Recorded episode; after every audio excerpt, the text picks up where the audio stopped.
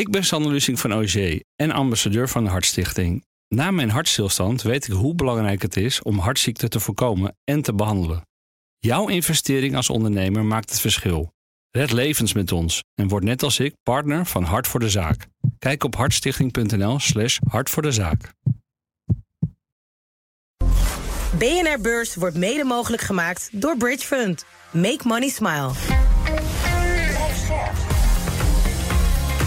BNR Nieuwsradio. BNR Beurs.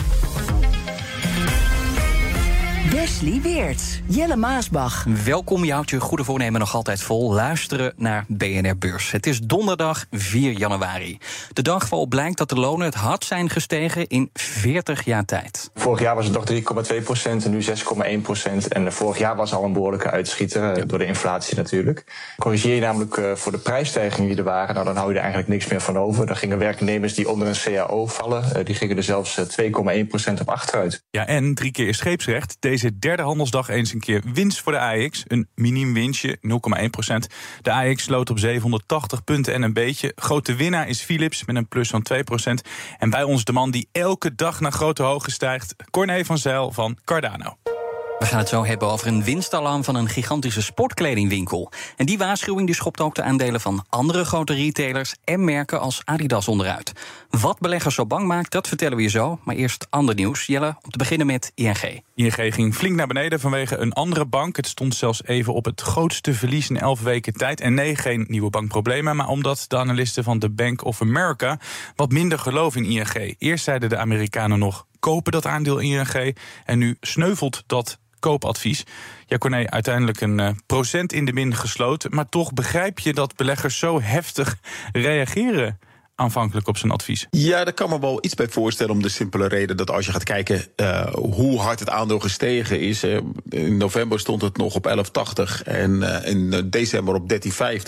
Dus 17% in iets meer dan een maand tijd. Ja, ja ik kan me voorstellen dat je dan op een gegeven moment in de verleiding komt om toch een beetje winst te nemen als dit soort adviezen voorbij komen. Ja, en zit er ook wat meer achter die paniek? Maken zich bijvoorbeeld zorgen over het, eh, het rentebeleid? Ja, nee, dat, dat, is natuurlijk ook de reden dat alle banken zo goedkoop staan. Het staat op 6,5 keer de, de verwachte winst.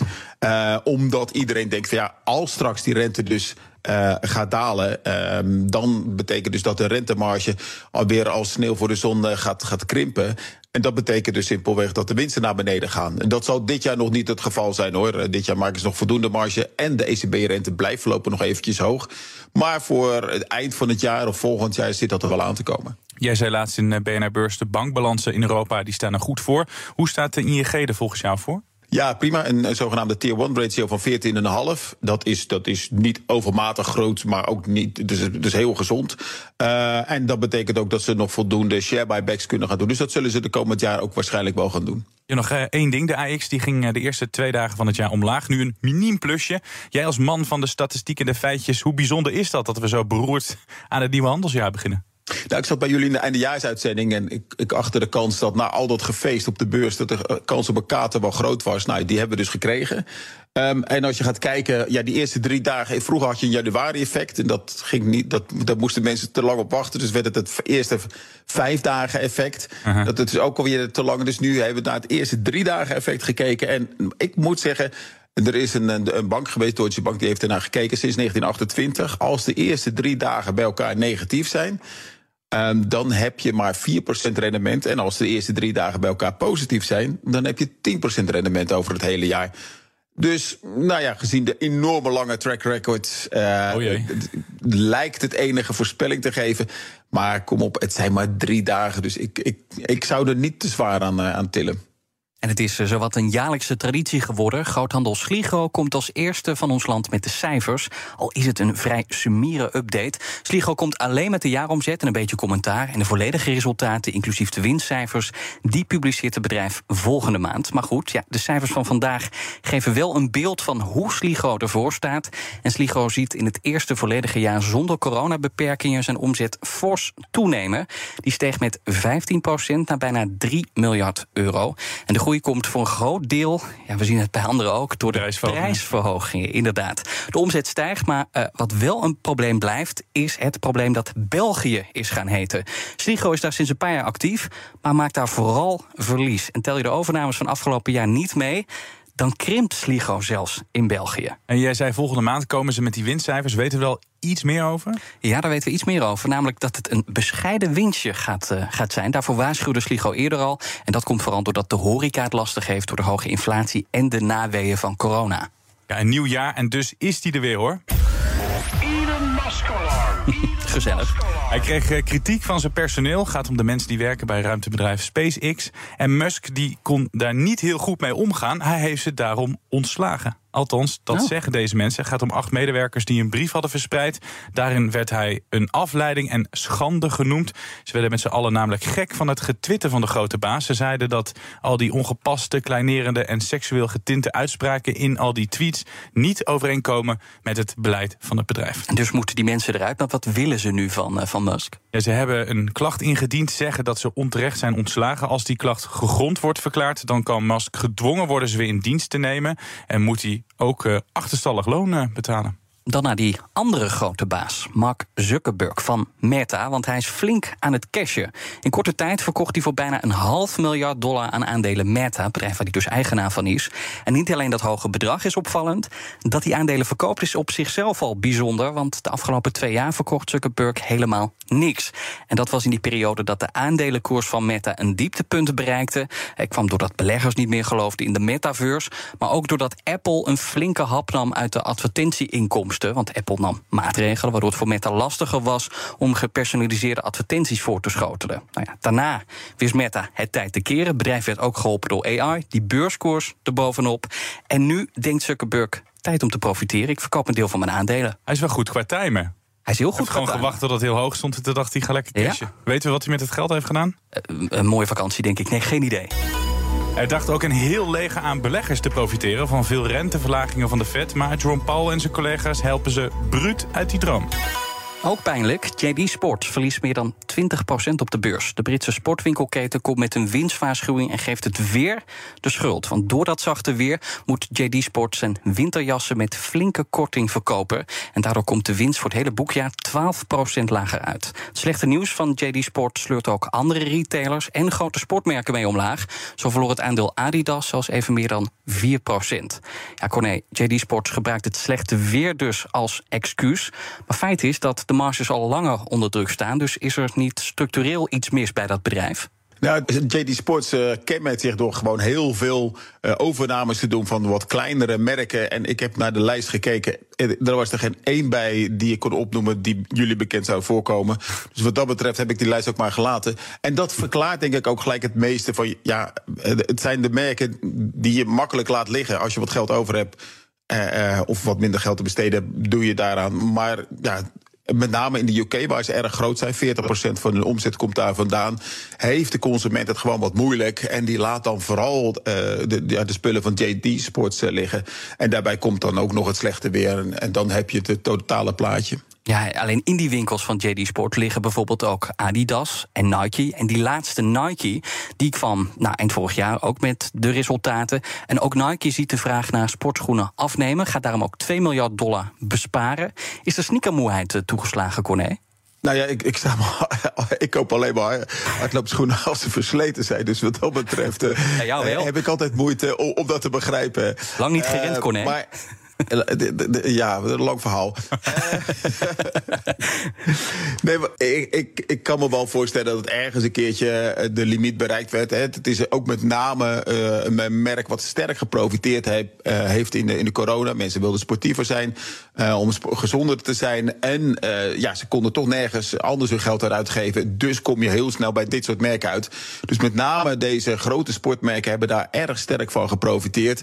Ja, en dat valt nu weer wat tegen. Nu in een normalere situatie. En, en dus eh, moeten ze ook de tering naar de nering zetten. Ja, Nike gaat flink besparen, ik zei het net al. Tegelijkertijd had Nike zijn neus op voor kortingen. Alleen JD Sports die deelt wel kortingen uit. Vandaar dat die winst dus ook onder druk staat. Hoe denkt JD Sports eh, toch die winst op peil te houden? Of in ieder geval de schade zoveel mogelijk te beperken de komende tijd?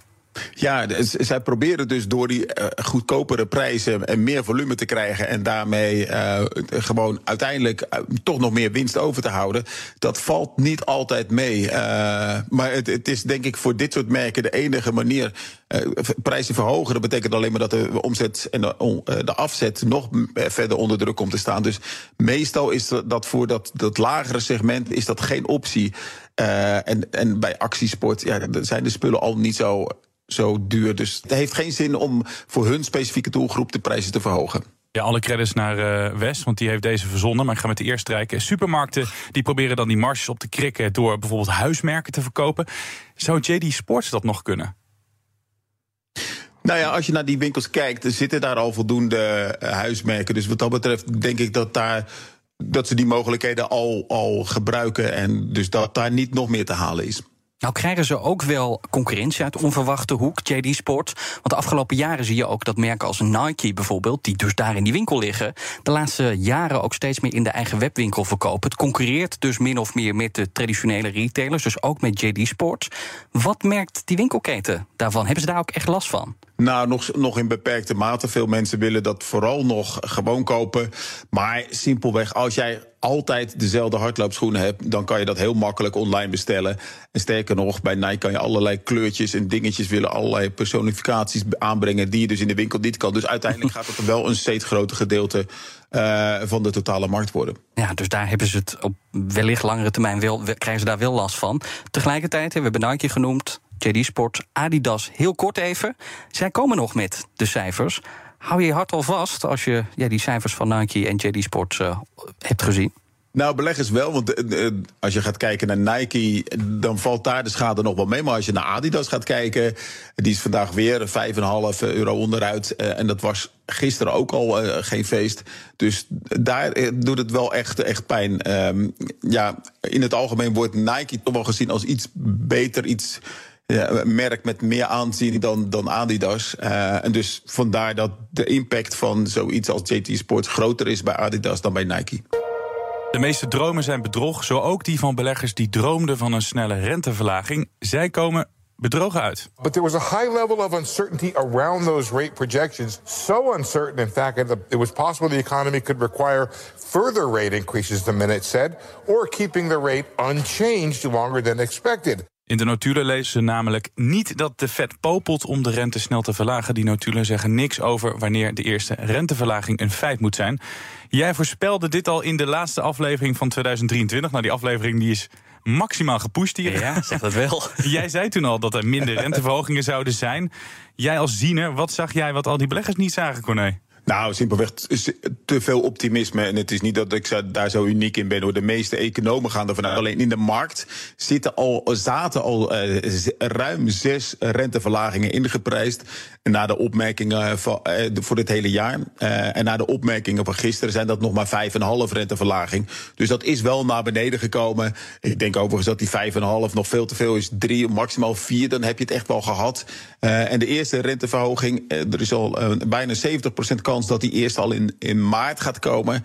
Ja, ik, als je net zo'n enorme rentehobbel achter de rug hebt, bedoel je, lijkt het mij logisch dat je. Nee, dat is een, een hogere inflatie bedoelde ik. Ja. Als je zo'n hoge inflatie achter de rug hebt, lijkt het me logisch dat je alle tijd neemt om eens even heel rustig te kijken. En we hebben natuurlijk iedere keer meevallende inflatiecijfers gehad. Maar dat wil niet zeggen dat dat de komende tijd nog steeds zo zal zijn. Dus uh, het zal niet een, een, een smooth ride down uh, zijn. Dus ik, ik, denk dat dat wel een, een van de risico's is. Maar wat maak jij verder van die uh, notulen? Want er werd als eerste gelijk gezegd: oh, die snelle renteverlaging komt er niet. Wat haalde jij er nog meer uit? Nou, wat mij opviel. De, niet zozeer de opmerking van de Fed, wel, wel de reactie erop. Uh, je zag eigenlijk dat er geen beweging was. Als ik naar de, de markten keek, dan zag iedereen nam het verlief aan. En pas in de loop van de dag dat ze toch nog eens blijkbaar een hoop mensen die, die natuurlijk eens gingen herlezen. En dachten van ja, maar ze zijn toch wel echt wel onzeker over de economie. En weten echt nog niet goed waar het heen gaat. En, en dus zeg maar de, de duidelijkheid die er van afdroop van de Powell's uh, opmerkingen uh, halverwege december uh, waren echt toch wel van andere orde dan wat je nu in de notulen leest. Dus ik denk dat er wat, gewoon wat, wat realisme in de, in de koers gekomen is. Ja, durf je ook te gaan voorspellen wanneer al die renteverlagingen komen en hoeveel het exact worden? Nee, daar moet je altijd bij oppassen, zeker in beleggen. Uh, bij een uh, drie of vier renteverlagingen, dat lijkt mij uh, meer dan logisch. En de eerste, ja, ik zou zeggen, juni lijkt me eigenlijk het meest waarschijnlijk. Uh, maar de markt denkt dat we dan al op 2,5 renteverhogingen zitten. Dus wat dat betreft loopt de markt er erg ver, ver op vooruit. Hoe zit het met die inflatie? Want je kan ook zeggen, nou, die is nog lang niet uh, onder controle. Maar wachten ze ook straks niet veel te lang? Nou, dat, eigenlijk kan dat niet te lang wachten, omdat de staat van de economie zo goed is. En natuurlijk, er is altijd een vertraging van de effecten van de uh, renteverhogingen op de economie. Maar in dit geval is de, de impact van die rente wat beperkter. Met name omdat de grootste schulden die de consumenten hebben, dat de hypotheekschulden. Daar hebben een heleboel van die consumenten enorm veel aan uh, renteverlenging gedaan. Oftewel, maakt niet uit dat die rente omhoog gaat. Zij zit op een 30-jarige hypotheek. Ja, jammer voor iemand die nu een huis wil kopen, maar zij hebben er geen last van. En bij bedrijven zie je precies hetzelfde. Die hebben ook relatief weinig last van de rentestijging ten opzichte van vorige rentecycli. Uh, en, en, dat betekent dus dat de impact van die renteverhoging in de afgelopen jaar, hoe extreem die ook zijn, toch wel redelijk beperkt zijn. Uh, en dat betekent dus dat de schade voor de economie ook redelijk beperkt is. BNR Beurs. We gaan naar Wall Street. De Dow Jones staat drie tienden van de procent en de plus. De S&P 500 staat onveranderd. De Nasdaq verliest 0,3 procent. Het regent zonnestralen, zongen Acta en de Munnik. Nou, op de beurs regent het adviesverlagingen. Je bent uh, wel van de songteksten vandaag, ja, hè? Ja, de meeste dromen zijn bedrog. Het regent zonnestralen. Muzikaal. Nederlandse muziek. Terwijl ik niet echt van de Nederlandse muziek ben. Maar goed, we hadden het uh, net al over ING en Bezi. Nu krijgt Apple een adviesverlaging. De tweede in één week tijd. Ook deze verlaging omdat er zorgen zijn over de verkoop van iPhones. Apple staat 1,1 lager. Het is niet echt een lekker begin voor de grote techbedrijven. Voor de Magnificent Seven, waar Apple dus ook onder valt. Na een heel sterk 2023 zijn zij in een paar dagen al ruim 380 miljard dollar aan beurswaarde verloren. Nou, dat zijn getallen die zijn nauwelijks te bevatten. Om je daarbij een beeld te geven, daarvoor koop je twee keer Shell of LV en hou je nog geld over om Atje van de beurs te halen. En het is evenveel als het BP van Noorwegen. Nou, weten we dat ook weer. Corné, die techreuzen, hè? Staan die aan het eind van het jaar toch weer hoger? Nee, ik denk het niet. Als je gaat kijken, toevallig heb ik naar de column in het Financieel Dagblad erover geschreven. En degene die de podcast uh, kunnen willen luisteren, daar gaat mijn laatste column over. Want wat opvalt, uh, is dat als je gaat kijken naar de onderliggende winstgevendheid, dat die winsten wel mooi zijn, maar vooral getrokken worden door Nvidia. Daar gaat het supergoed. Um, en let wel, een jaar geleden hadden we het nog niet over de Magnificent Seven. En, en, want toen zat uh, Nvidia er nog niet bij. Nee. Maar als je naar Apple en Microsoft gaat kijken. Dan denk je van, nou ja, uh, wat was het? 6 en 12 procent winststijging. Dat kan ik nou niet. Ja, dat verklaart niet de enorme koersstijging die je -hmm. gehad hebt. En bij Meta en uh, Amazon zie je dat bijvoorbeeld wel. Maar daar had je echt een heel specifiek winstherstel. En Tesla liet zelfs een winstdaling zien. Dus ja, een heel groot gedeelte van die koersstijging is gewoon het duurder worden van die aandelen. En niet zozeer de onderliggende winststijging. Dus vandaar dat ik denk dat er wat realisme in die koersen gaat komen. En uh, met twee keer, 42 keer de verwachte winst zit er ook wel heel veel optimisme in die koersen verwerkt. Dus het gemiddelde van die hele Magnificent Seven. PepsiCo staat uh, ook in de aandacht uh, vandaag. Wordt verbannen uit een van de grootste supermarkten van Europa. Het Franse Carrefour haalt de producten van PepsiCo uit de schappen. En een nieuwslezer somt even de producten voor je op. Pepsi, Lipton, 7-Up, Lay's, Doritos, Ben Nuts encore Quaker. Autant de marques que vous euh, connaissez bien quand vous faites vos, vos courses. Eh bien, à partir d'aujourd'hui, vous ne les trouverez plus dans les enseignes Carrefour. Ja, ze zijn te duur geworden, die producten, vindt de supermarkt. En daarom hangt er vanaf nu een kaartje bij de lege schappen... waarop staat dat de producten niet meer beschikbaar zijn... vanwege onacceptabele prijsverhogingen. Supermarkten in België en Duitsland die deden eerder hetzelfde. En het frustreert ze dat PepsiCo de afgelopen anderhalf jaar... meerdere prijsverhogingen doorvoerde. Nou, dat kon het bedrijf ook doen zonder dat het klanten verloor. En ja, het gevolg was dat PepsiCo vorig jaar... maar liefst drie keer de winstverwachting naar boven kon bijstellen. BNR Beurs. Aan het begin van het jaar is het altijd vaste prik. De goede voornemens. Afvallen, meer bewegen, stoppen met roken, minder snoepen, meer genieten. Je kent het wel. Heel leuk voor je, maar wij willen wat anders horen. We zijn namelijk benieuwd naar de beleggingsplannen voor dit jaar. Wat zijn de goede voornemens op de beurs? Daar staan we deze hele week bij stil. Nou, we hoorden al, jij gaat meer hardlopen, dus we willen het nu echt hebben over beleggen, Corné. Wat ga jij anders doen dit jaar? Ja, kijk, ja, ik heb al een beetje ervaring. Um, en wat mij dan altijd opvalt, is dat ik toch een verschrikkelijke hekel aan verlies heb. Uh, dat is denk ik mens eigen. Dat, wat dat betreft niet zo bijzonder. Maar dat voorkomt dat je uh, uh, ja, eigenlijk te veel of te weinig risicoposities eh, neemt.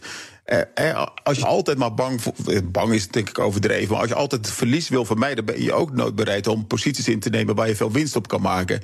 Dus eigenlijk moet je gewoon die verliezen accepteren, hoort erbij, klaar. De ene keer heb je geluk, de andere keer heb je pech. En als je goed je huiswerk doet, heb je op de, op de lange termijn per saldo een, een groot voordeel. Dus, uh, en als jij je laat, uh, want je, je hebt er een hekel aan, het, je bent bang voor verlies. Dat zijn toch emoties. En emoties moet je altijd zien te vermijden. En komt er een verlies, dan komt er een verlies. En als je maar lange termijn belegger bent, geeft het helemaal niet. Wordt het, wordt het altijd wel goed gemaakt. En heb je dus door de jaren heen geleerd om om te gaan met verlies? En heeft dat je een betere belegger gemaakt? Ja, ik zeg wel eens, ik ben een kind van 87. Oftewel, toen ik nog een broekie was uh, en, en, bij een bank op, op de beleggingsafdeling zat uh, kreeg ik gelijk. Uh, ik zat trouwens met, samen met Kees de Kort op de afdeling. Dat verklaart misschien wel veel van onze achtergrond. Dus wij zaten naast elkaar naar die rode koersen te kijken. En, en dat geeft je toch wel een bepaalde basis mee. En, en eigenlijk altijd een, een soort voorzichtigheid. En dat is zo zonde dat je die, ja, als je die voorzichtigheid had laten varen wat je dan had kunnen verdienen. Dus wat dat betreft probeer ik daar nog steeds van te leren. Zelfs als 87 al heel erg lang geleden is. En gelukkig ook iets optimistischer dan eh, Kees de Kort geworden. Gelukkig wel. Ga, ga jij nou ook meer risico nemen, Corné, het komende jaar? Uh, nou, ik, ik ben wat somber over de markt. Uh, dus ik ben nog steeds uh, risicoavers. Toch wel, um, ondanks het hele pleidooi van daarnet. ja, Nee, dat is wel tegenstrijdig. Uh, kijk, er is één ding dat je. Ik, ik, de, de, ik wil een algemene houding hebben dat ik minder bang ben voor verliezen. Maar als ik verwacht dat koers het slecht zullen doen, ja, is het niet zo slim om als je gelijk krijgt dat je dan geld gaat verliezen. Nee. Maar goed, als die positie er is, ben ik wel bereid, eh, als mijn verwachtingen uitkomen, om daadwerkelijk eh, meer risicoposities aan te nemen. En op welke aandelen ga je dan extra letten? Nou, wat ik wel een hele leuke vind, is dat, uh, kijk, als je naar emerging markets kijkt, als, als je tegen een belegger emerging markets zegt, dan begint hij bijna te kotsen, omdat het zo'n ellendig uh, segment is geweest.